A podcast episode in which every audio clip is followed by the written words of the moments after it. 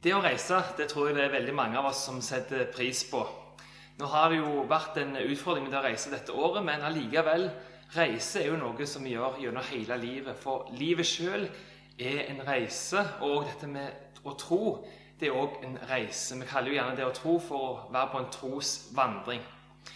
Denne høsten så har vi i menigheten vært på en sånn type vandring, hvor vi da har tatt for oss en av Bibelens mest viktigste bøker. Boka er egentlig ikke ei bok, men det er opprinnelig et brev som er skrevet av en person som heter Paulus. Han var en av de viktigste lederne i den første, tidligste kirka. Og han var en person som opprinnelig ikke var sjøl en kristen.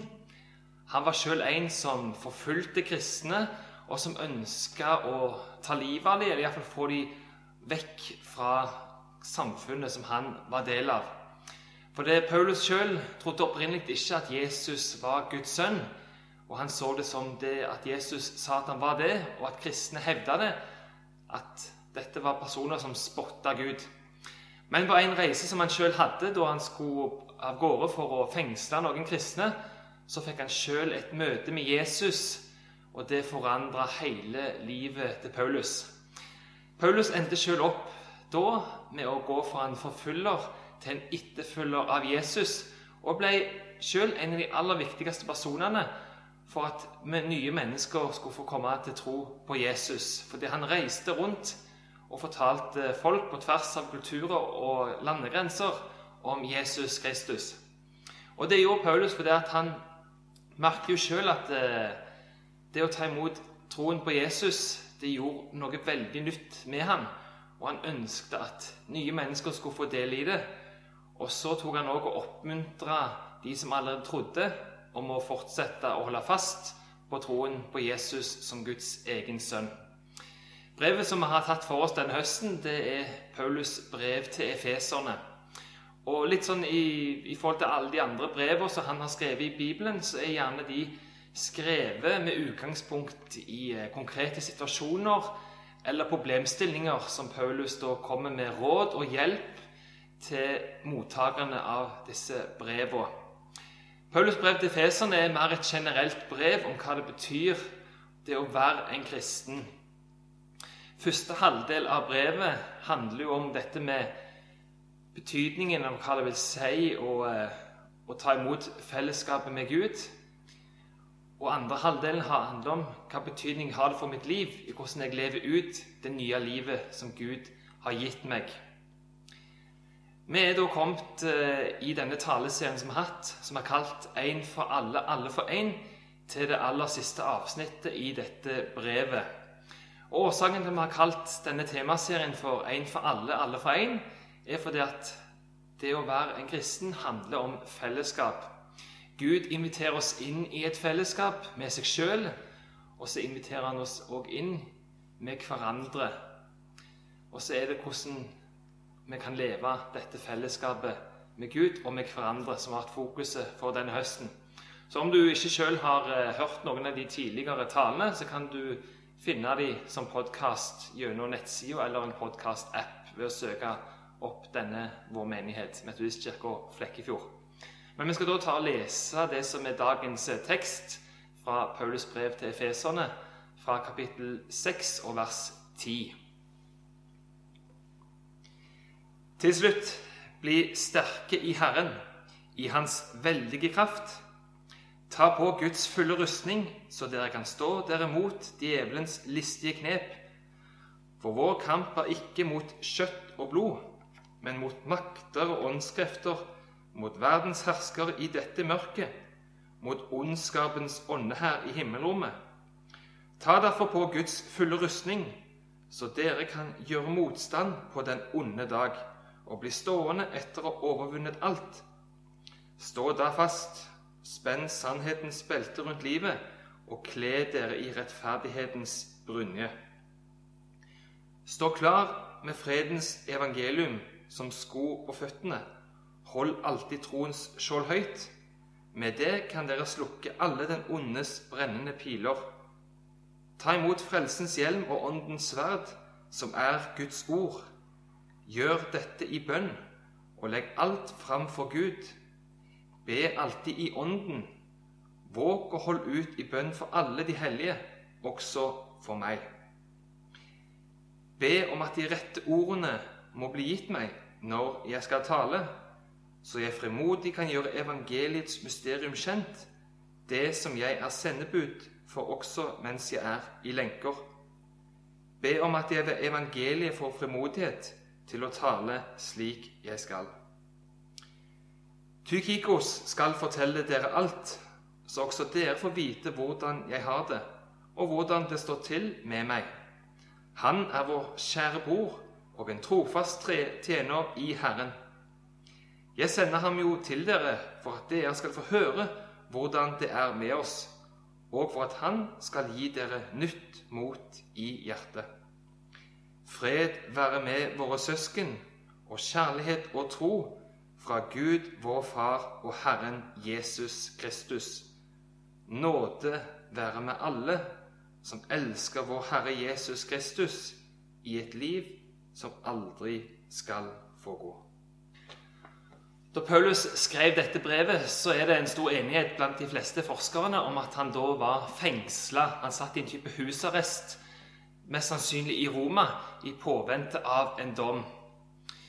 Paulus skal òg ifølge forskere ha sittet i en type husarrest eller vært fengsla fram til han sjøl måtte bøte med livet for troen sin på Jesus Kristus.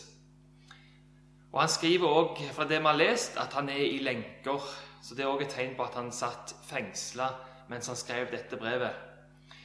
Samtidig så skriver han dette her ikke med sorg eller med en type dyster stemning, men han skriver med godt mot, og han skriver òg for å gi godt mot til de som han skriver til. Paulus virker å ha en type fred, og det er det jeg bl.a. skal snakke om i dag i forhold til hva han sier på slutten av dette avsnittet vi har lest fra. Første del av avsnittet som vi har lest fra, handler om dette med å bli sterk i Herren og ta på en rustning for å stå imot utfordringene som livet og som den onde påfører kristne. Akkurat det avsnittet der så kan du høre også som en podkast, for det parallelt med talene som vi har hatt denne høsten, så har også hatt bibeltimer ved Torry Seland. Og han hadde på den forrige bibeltimen, så var den siste av de fire bibeltimene hans, fokus på dette med å bli sterk i Herren. Så ta gjerne og hør på den eh, podkastepisoden som eh, Torry Seland har hatt eh, denne høsten.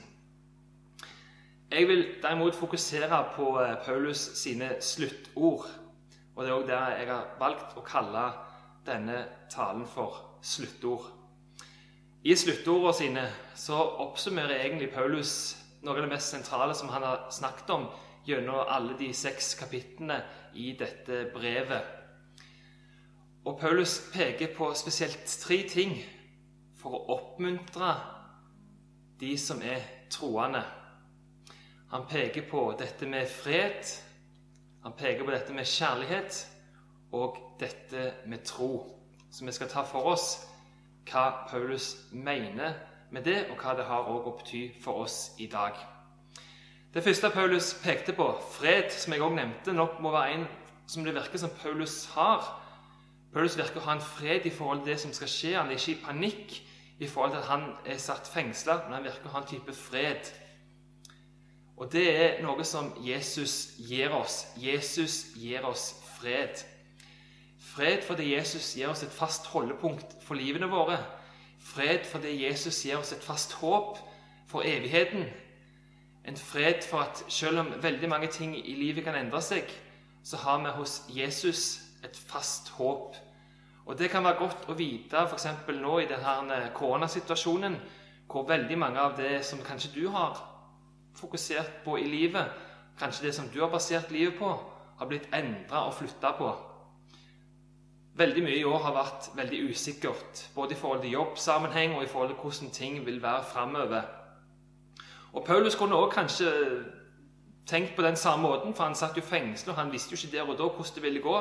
Ville han bli satt fri? Ville han bli eh, i en dom få eh, bli dømt uskyldig?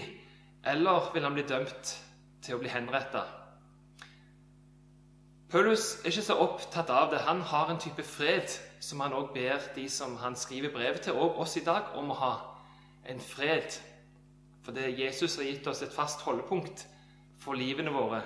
Jesus har også gitt oss en fast identitet. Noe av det gjennomgående i eh, Paulus brev til Feserne er det at han skriver at de som tror på Jesus, er i Kristus. I Kristus så har du fått en ny identitet. I Kristus så kan du vite hvem du er, hvor høy verdt du er. Og ved å se på Jesus så kan du se din egen verdi. Og ved å se hva Jesus har gjort for deg, så kan du vite hva du har i vente et evig liv. Paulus har tidligere i brevet sitert noe som har med dette med fred, og det skal jeg lese fra nå.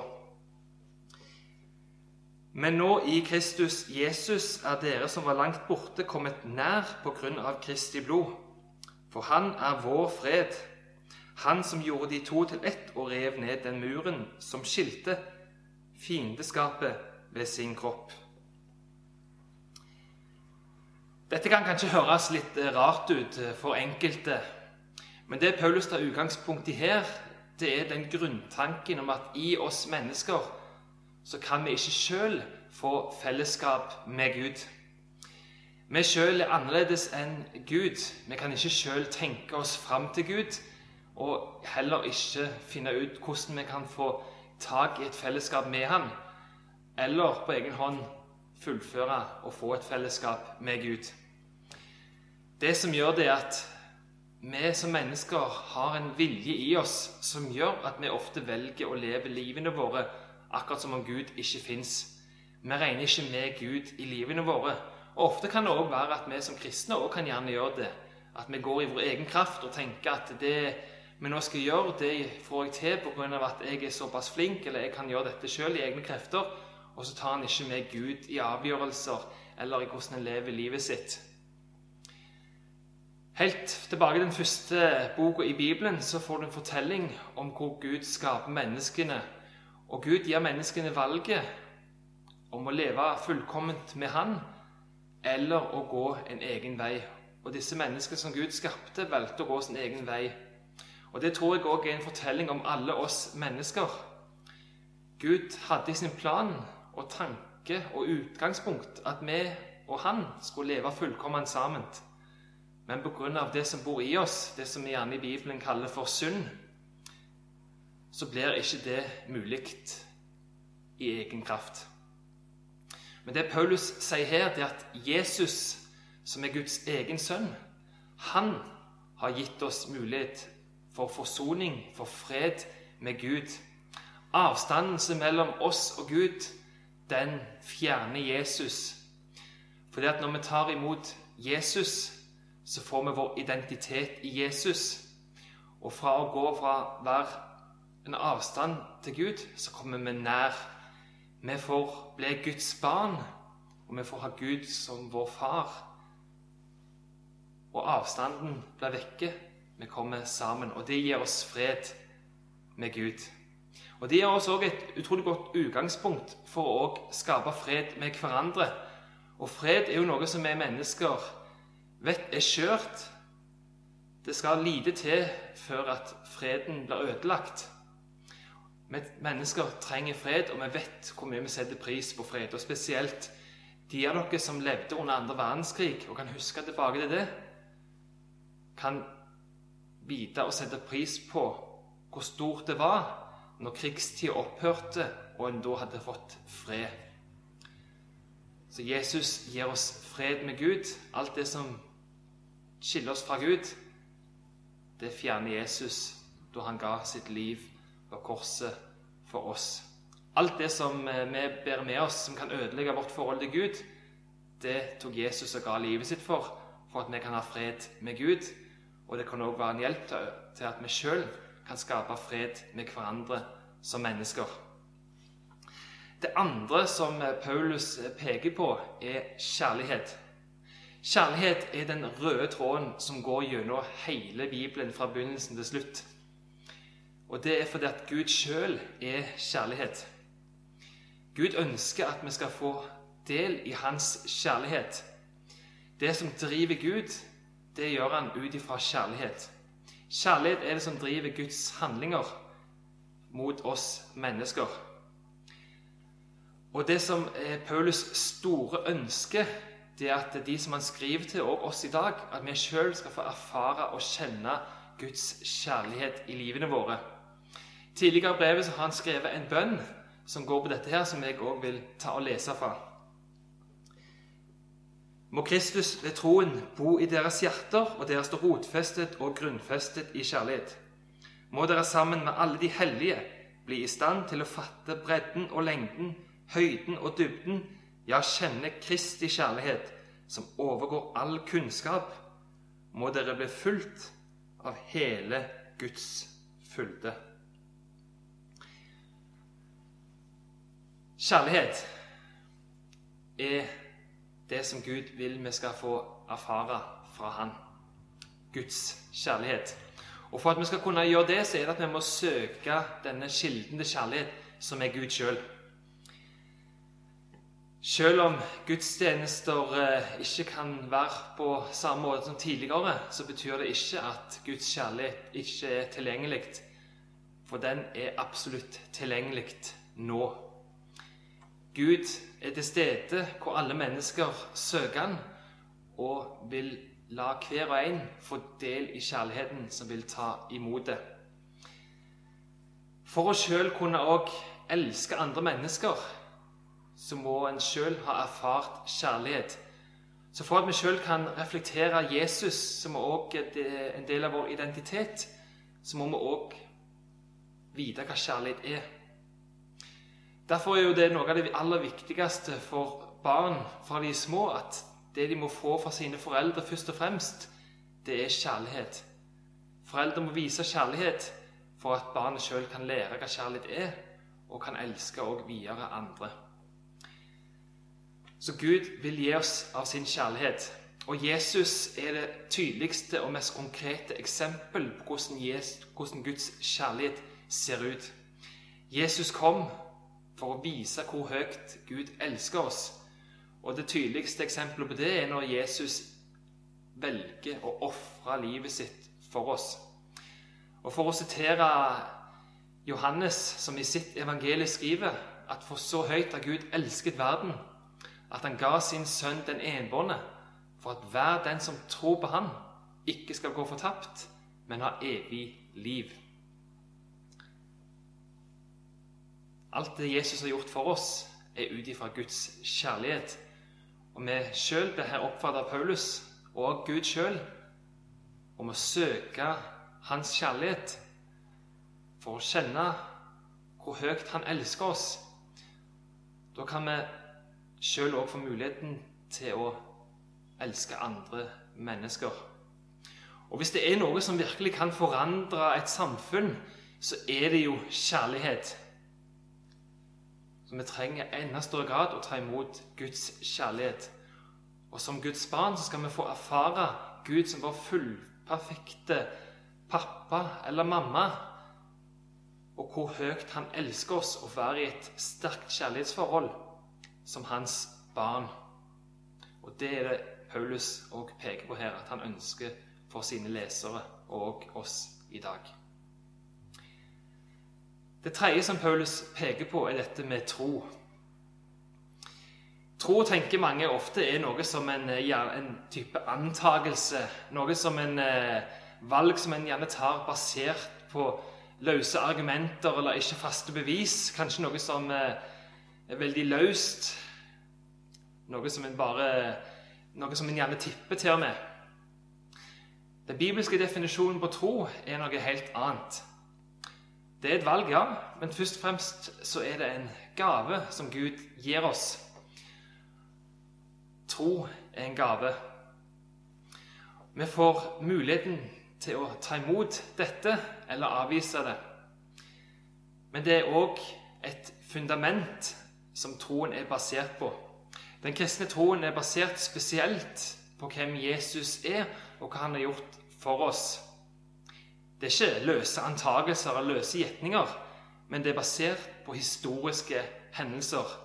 Jesus Kristus, som Gud sjøl, er jo en historisk person som har vært i møte med andre historiske mennesker, og som òg møter oss i dag. Det vil jo alltid være noe som kan være litt sånn usikkert i forhold til tro, noe som kan skape tvil. Tro og tvil hører sånn sett sammen, men på tross av det som er usikkert, så velger vi å tro og ta imot det som Gud vil gi oss. Paulus siterer tidligere betydningen av dette med tro i Efeserbrevet i kapittel 2, hvor han skriver For av nåde er dere frelst ved tro. Det er ikke deres eget verk, men Guds gave. Utgangspunktet for eh, å få dette fellesskapet med Gud, for å få denne freden og kjærligheten, det er tro. Og hvorfor er det tro? Det er for at dette her som Gud vil gi oss, det er ikke noe som vi sjøl skal få til i egen liv. Da vil du fort få noen som kan få dette til, og noen som ikke får det til. Hvor det blir en sånn type prestasjon. Og selv om mennesker ofte tenker i forhold til tro at det er en prestasjon, at jeg har fått til dette her, og at hvis jeg gjør sånn og sånn, så vil Gud gi meg dette her. Men i forhold til Gud så er det ingenting som vi får pga. at vi har fortjent eller vi har gjort noe for å få det. Gud gir oss det som en gave, og troen er en gave. Troen er noe som Gud skaper i oss ved den tredje personen i Gud, Den hellige ånd. Men ut ifra sin kjærlighet, som Gud òg er, så gir Gud oss faktisk muligheten til enten ta imot det eller avvise denne trosgaven. Men tro er utgangspunkt for fellesskap med Gud. Tro er noe som er utrolig godt, samtidig skjørt, men vel verdt å ta vare på. Helt til slutt i det avsnittet så snakker Paulus dermed om nåde. Og nåde er egentlig det som rammer inn både fred, kjærlighet og tro. Nåde er evig fordi Gud sjøl er evig. Gud er nådig. Og det handler om at for alt det Gud gir, gir oss, så er det ikke ut ifra vår prestasjon eller fortjeneste, men kun ut ifra Guds godhet mot oss. Og det er det vi trenger å anerkjenne som troende mennesker. Å anerkjenne at ja, alt det jeg er, og alt det jeg har, det er ut ifra Guds godhet mot meg. Nåde er det som gjør at vi mennesker blir i live. Livet er gitt ut ifra Guds nåde. Så nåde er dermed noe som har vært fra vår begynnelse som mennesker. Og det er òg noe som Gud vil fylle oss inn i evigheten. Nåden er samtidig noe som gir oss mennesker et ansvar. For det du og jeg får et ansvar for å ta imot denne Guds nåde eller avvise det. Guds nåde stiller oss dermed fri til enten ta imot fellesskap med Gud, ta imot troen, ta imot kjærligheten, eller til å avvise det. For å sitere det som Paulus avslutter dette brevet med, som går på dette med fred, kjærlighet, tro, som er del av Guds nåde, så vil jeg la det være en hilsen til slutt for dette brevet. Fred være med våre søsken og kjærlighet og tro fra Gud, vår Far og Herren Jesus Kristus. Nåde være med alle som elsker vår Herre Jesus Kristus i et liv som aldri skal få gå. Det Gud vil gi deg, det vil fylle deg i et liv som aldri skal få gå. Igjen, du har muligheten til å leve i dette som Gud vil gi deg, eller du har mulighet til å avvise det. Jeg vil sjøl anbefale deg å ta imot det som Gud vil gi deg. Da vil du finne hensikten med ditt liv, og du vil finne den identiteten Gud har tenkt for deg som et Guds barn. Og jeg er overbevist om at du vil se livet på en helt annen måte. Og det er deg som allerede går i dette og vandrer denne trosvandringen, så vil jeg som Paulus ønske deg Guds velsignelse på denne videre vandringen i livet.